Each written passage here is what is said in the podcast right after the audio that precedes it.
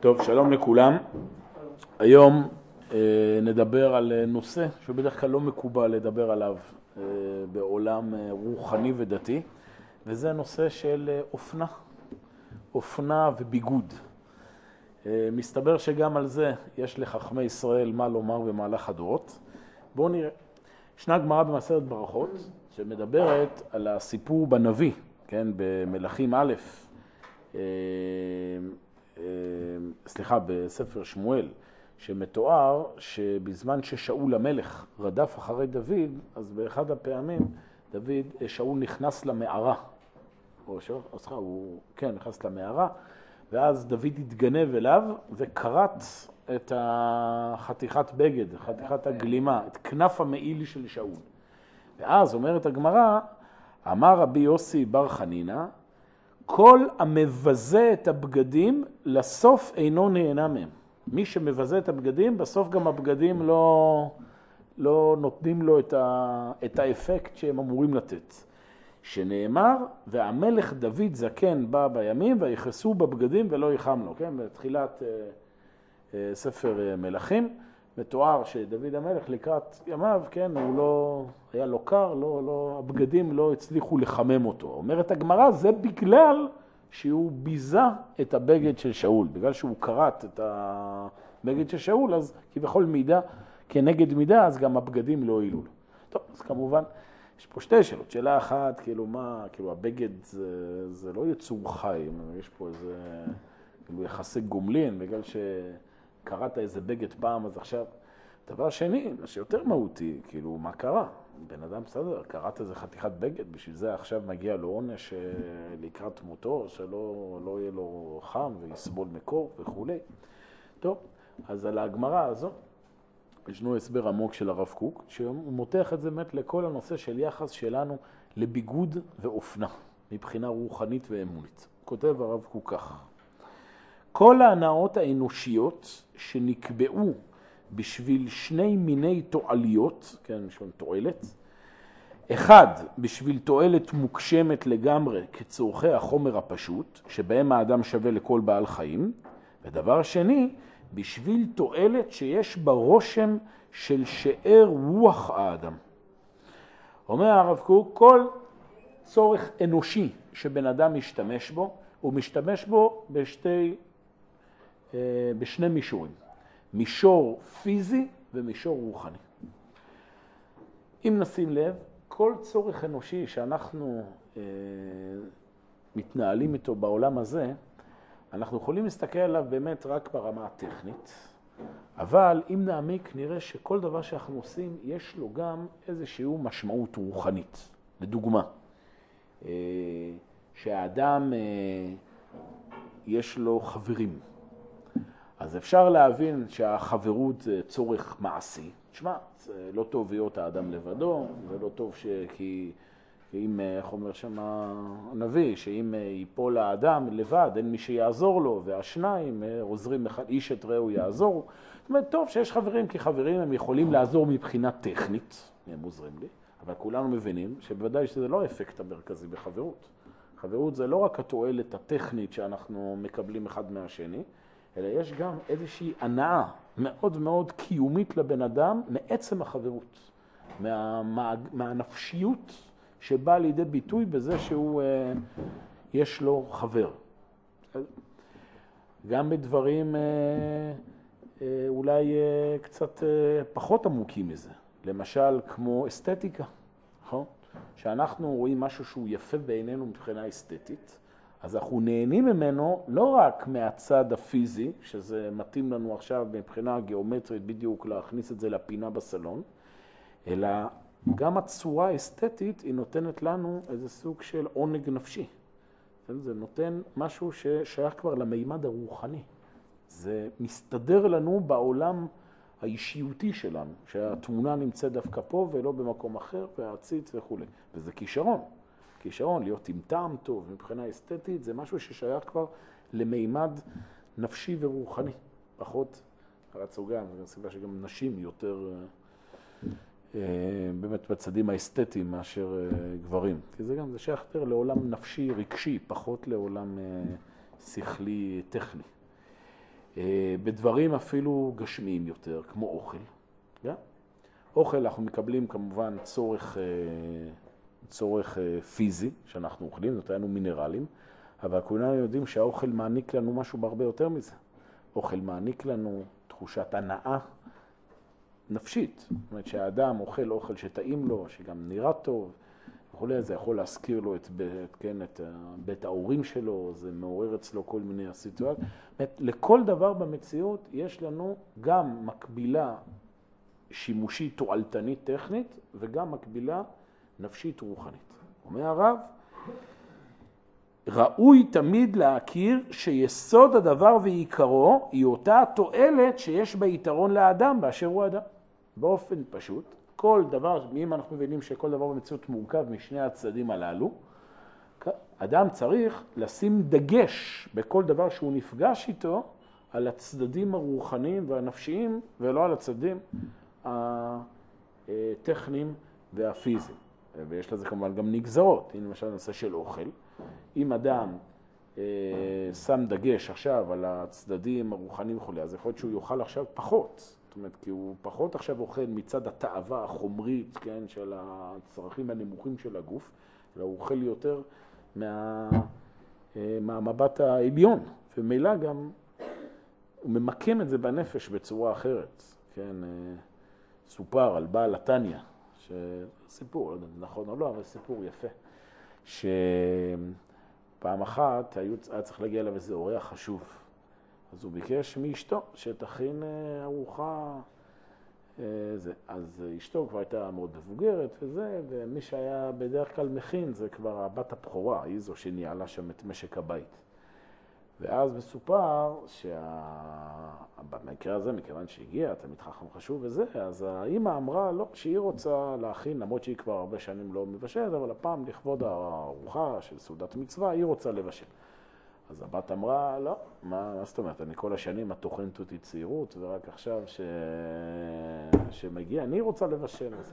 טוב, אז אה, אומרים שהגיעו לפשרה. הפשרה היא שהבת, אה, סליחה, שהבת תבשל, כן, הבת תבשל את האוכל, אבל האימא תוסיף את המלח, כן, ואוכל בלי מלח זה... אז ככה, כן, אז זה יהיה כאילו שיתוף פעולה. טוב.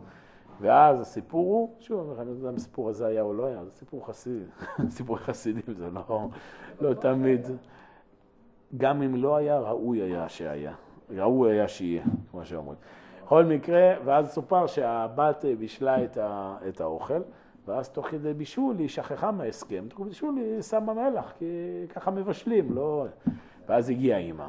עכשיו היא שמה מלח, ומכיוון שזה היה התפקיד היחיד שלה, אז היא שמה בהידור, שפכה שם מלח אה, בכמויות. טוב, הגיע אותו תלמיד חכם, יושב מול בעל התניא, ואז אה, מסופר שבעל, אותו תלמיד חכם מתחיל לאכול, כמעט נחנק, לא מסוגל, הכל מלוח וזה, ובעל התניא אוכל, אוכל, כאילו לא... שאל אותו, באיזה שעה הוא ראה בעל התניא, שהשני לא אוכל, אמר לו, מה, למה אתה לא אוכל? הזוג הזה בעדינות אומר לו, כבודו לא מרגיש שזה קצת מלוח. אז מה שבא לקח בסופו שבא לתניא אמר, חכה, חכה שנייה, הכניס לפה, התרכז, התרכז, התרכז, אחרי חמש דקות אומר, אתה צודק, כנראה יש פה משהו מלוח. מביאים את זה כדוגמה לאדם גדול. אדם קדוש, הוא אוכל, הוא לא אוכל מהצד הנמוך של הטעם, הוא כבר מעל זה. הוא אוכל מהצד של, אני יודע, העלאת ניצוצות, מעלה את האוכל, הצדדים, זאת אומרת, הוא, הוא עושה את הפעולה הפיזית, אבל כל היחס שלו לפעולה הפיזית זה לא מהצדדים הקטנים, אלא מהצדדים הגדולים. זה איזושהי נקודת שאיפה, כשאדם אה, עושה פעולות בעולם הזה, הוא אמור לעשות אותן, אבל לעשות אותן מצד המבט הרוחני, לראות את הנקודה האלוקית שנמצאת בדבר, ומילא גם ל... כן, שזה יכול לבוא בדברים גם יותר פשוטים אלינו. למשל, כשאדם קונה איזה מוצר, איך הוא קונה? האם הוא קונה מצד העטיפה? בגלל שהעטיפה מאוד צבעונית ומבריקה, למרות שהמוצר עצמו, אני לא צריך אותו מבחינה פונקציונלית, או שוב, בן אדם קונה, יש גם חוויית קניות, נכון? זו חוויה מאוד חזקה בנפש האנושית, חוויית השופינג. אה, כשאדם קונה, האם הוא קונה מהצד הרוחני, זאת אומרת שהוא קונה את מה שהוא צריך, או שוב הוא קונה מהצדדים הפיזיים, זה, בגלל שזה נראה יפה, אבל בעצם הוא אה, לא צריך את זה, מה שנקרא צרכנות לא נבונה. אז זה הרעיון. בכל דבר צריך לגעת בו, אבל לגעת בו מהצד העליון. עכשיו, אחרי כל ההקדמה הזו, אנחנו מגיעים לנושא של בגדים. אומר הרב. הבגדים עשויים לתכלית הגנה מן הקור. זאת היא תכליתם הפשוטה, שגם כל בעל חיים יחושו כן. והם יתרים עליו, שיש, לו, זו, שיש להם, לבעלי החיים, הגנה זו בטבעה. הלבוש הטבעי שלהם, אורם ושערם או צמרם וכיוצא בזה. אבל עוד יש יתרון לאדם שמאני הם מכבדותי, זה ביטוי מהגמרא, מאני זה בגדים, שהבגדים של האדם הם הכבוד שלו. הכבוד הנמשך מהבגדים שהאדם מתהדר בהם בתור אדם המעלה, הראוי לו לפי יתרונו השכלי. אומר ישנם שתי סיבות שעבורם אנחנו לובשים בגדים. יצא טכני, הבגד להגנה מקור. אומר, זה משותף גם לבעלי חיים. בעלי חיים גם יש להם צמר וזה שמגן עליהם מהקור, ואפילו אצלם זה מגיע באופן טבעי. הם לא צריכים, כן, זה גדל, גדל עליהם, ולכאורה יש בזה יתרון. אומר, הדבר השני שעבורו האדם לובש בגדים, בגלל שהבגדים הם הכבוד של האדם. הבגדים זה מה שנותן לבן אדם את הצד הרוחני. ברגע שאדם מתלבש בבגד, לא רק בגלל שקר לו. אנחנו לובשים בגדים לא רק בזמן שקר לנו או חם לנו. אנחנו לובשים בגדים כחלק מהתרבות האנושית. כי בזה שאדם לובש בגדים, הוא בעצם בא לבטא שהגוף של האדם, יש בו משהו קצת נמוך, כן? הגוף של האדם זה הצדדים הגופניים, הבשריים, שיש להם כמובן מקום, אבל צריך לכסות אותם. צניעות. צניעות זה משהו שייך למישור הנפשי, כן.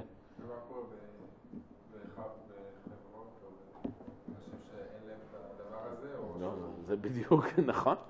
אנשים, ש... חברות ותרבויות שמאבדים את המימד הרוחני, והם בודקים את הדברים רק מהצד הפיזי, אומרים, מה, לא, חם עכשיו, קיץ, לא. אז יאללה. לא, יותר גרוע, יש אנשים שלא לובשים בגדים. כן, אז זה אני מתכוון.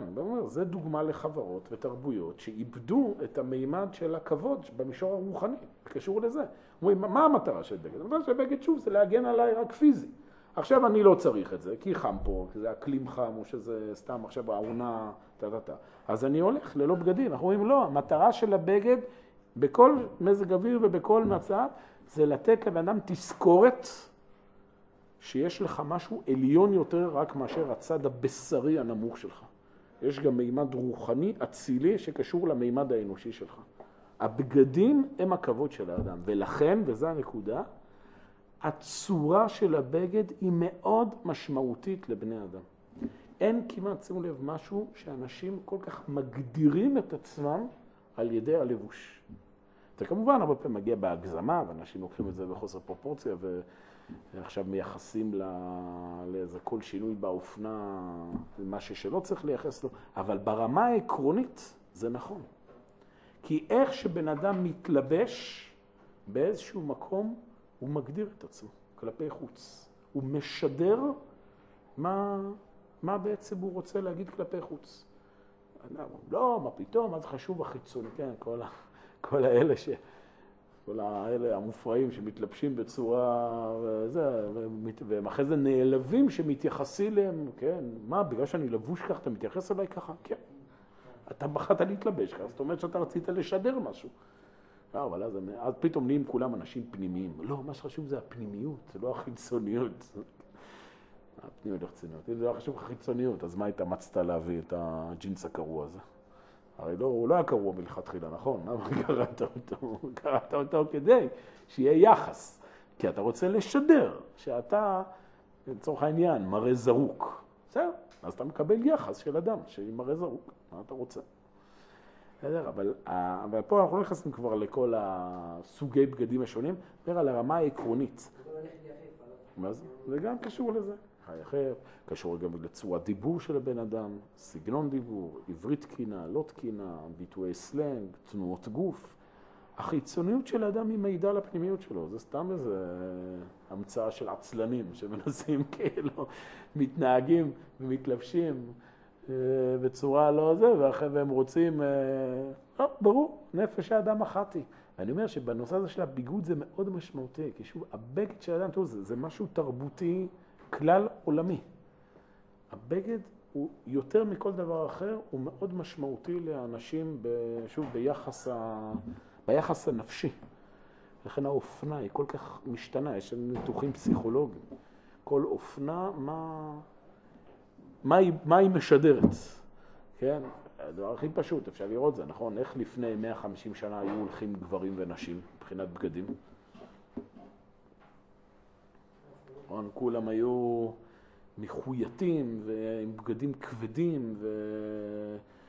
כי זו הייתה התרבות. התרבות לפני 150 שנה הייתה תרבות כזו של כובד ראש ושמרנות ורצינות. ככל שהתרבות הפכה להיות יותר אה, ליברלית, אז גם הבגדים הפכו להיות כאלה כלילים ו...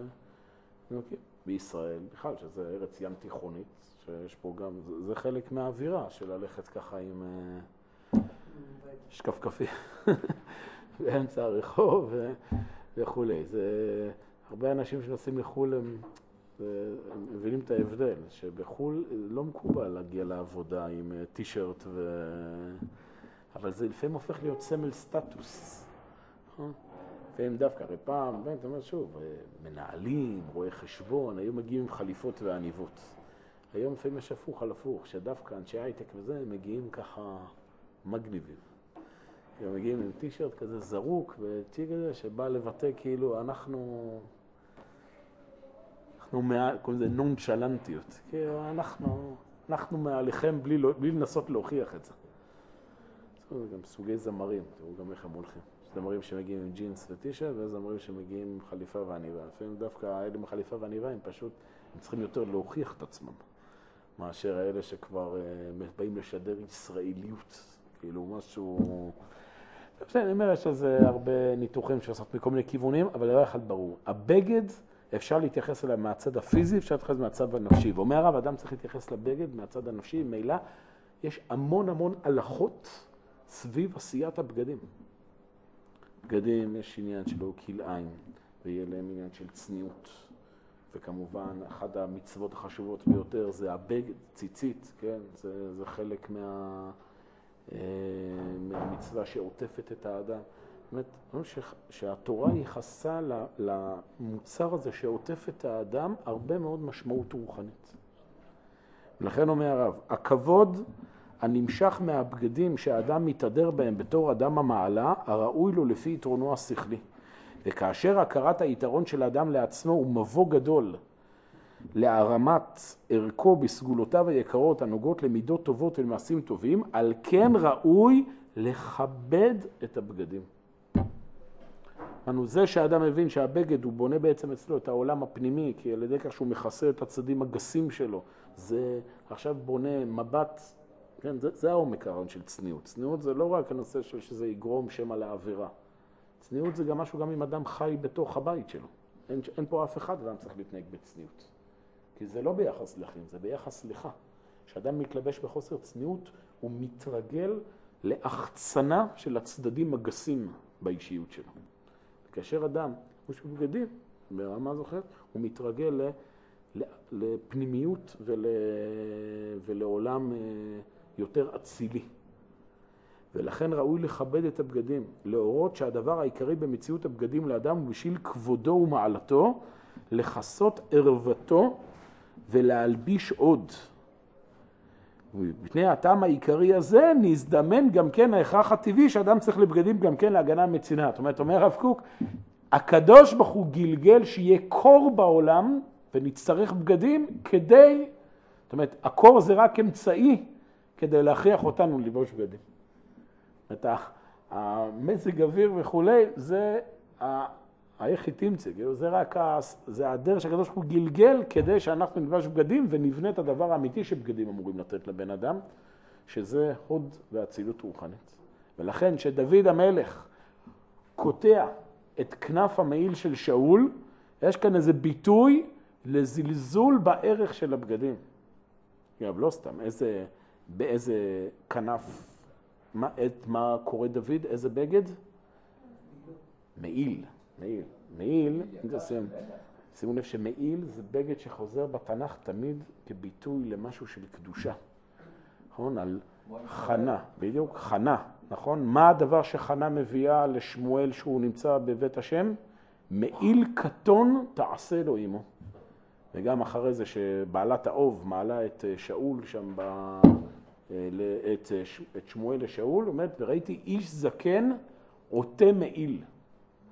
מעיל, מי שאומר, זה ביטוי, אומר הרב, זה גלימה שעוטפת את כל הגוף. זה ביטוי לבגד כללי. בניגוד ל... לא יודע, החולצה, שזה רק חצי מהגוף, הגלימה זה משהו שלוקח את כל הפרטים והופך אותם ליחידה אחת. זה מה שנותן לנו גם את ההוד מלכות, נכון? מלכים, תמיד זה גם גיבורי על, סופרמן? בסדר? יש, יש תמיד גלימה. גלימה זה ביטוי לכוח, משהו כזה ש... זה גם הרות של טלית אגב. טלית זה הכניסיני תחת כנפך. שזה בגד, בניגוד לציצית, שזה בגד אישי, טלית זה בגד של המשפחה. לכן בחופה שמים את הטלית מעל ראש החתן והכלה. מכניסים מתחת כנפך, כאילו כל המשפחה, כל המציאות עטופה בקדושה. זה ברכת כהנים, נכון, המשפחה וכו'. פשוט אנחנו צריכים לסיים, אז אני איזה אחרי זה שעות. לכן אומר הרב, אמ, אמנם אם לא היה צורך מוסרי בבגדים, לא היה כדאי שרק הגנה מן הצינה תחייב את מציאותם, וכבר היה אדם יכול לחיות באקלים כזה, שאין בו צורך חושי בבגדים. כן, אם לא היה קצת מוסרי, אז יכולנו לחיות באיזה אקלים כזה שלא צריך בגדים. ואם כל זה ילבשם מפני צד המוסרי שבהם. על כן, המבזה את הבגדים שמצידם המוסרי פוגע בערכם, סוף שאינו נהנה מהם.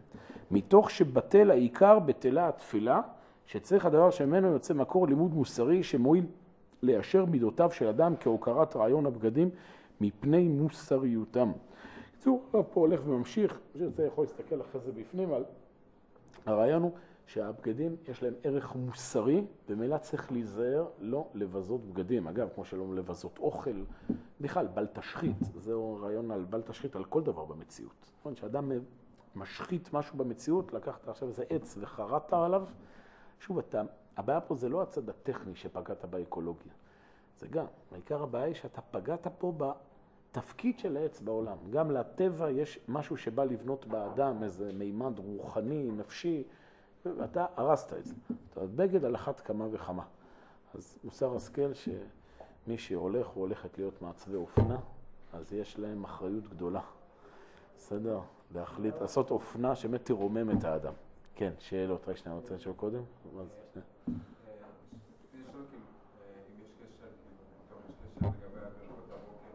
בוודאי, נכון, הערה מצוינת. תראה כמה ברכות יש לנו על הלבוש.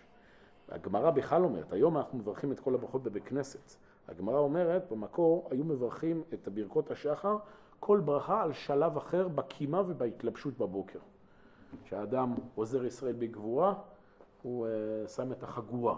המעוטר ישראל בתפארה, זה התפילין, זה אחרי זה מלביש ערומים, זה שהוא לובש את הזה. זאת אומרת, יש המון המון משמעויות לתהליך הלבישה של האדם את בגדיו בבוקר.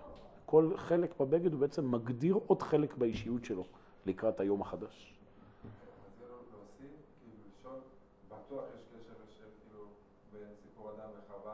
בוודאי, בוודאי, זה הרעיון, נכון, אדם וחווה לאחר החטא. לאחר שפתאום הם מביטים על החיים במבט חומרי, אז פתאום הם מתבוששים, כן? ועד עכשיו הם היו עירומים ולא התבוששו, עכשיו פתאום מסתבר להם שהגוף מוריד אותם כלפי מטה. לכן עושים כותנות אור, לפי הקבלה זה כותנות אור עם א', הכל. תראו בגדים של הכהן הגדול, בגדים של הכהן, כמה פסוקים התורה משקיעה בתיאור הבגדים של הכהנים. איך בדיוק, את... גם זה אגב, המעיל תכלת. של הכהן הגדול, וגם מעיל שהיה עוטף את כולו מלשון תכלית. היה, כן, תכלת דומה לים, דומה לרקיע, דומה לכיסא הכבוד, זאת אומרת שהבגד של הכהן הגדול כולו מרומם אותו אל התכלית העליונה וכו'. כן, מה זה זה?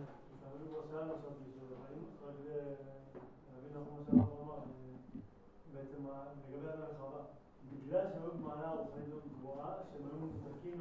כן, אז שם הם לא היו צריכים בגדים. אבל ברגע שהם ירדו למציאות כפי שהם מכירים אותה היום, שיש לנו גם צדים נמוכים, שם, אז אתה חייב איזה בגד שיכסה את ה... כדי לבנות את המוצרים. כן. כדאי להתלבש. נטורל לא, לא, לא טוב. כן. אה,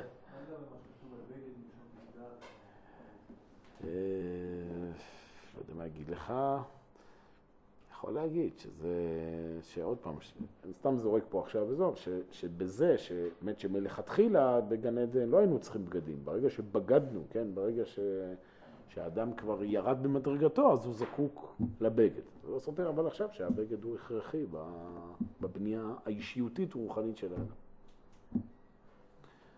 טוב, אז אה, שיהיה אופנה טובה. שיהיה, נסיים פה. לא יהיה? גם המקהלה שלנו לא תהיה שבוע בגלל הפקקים.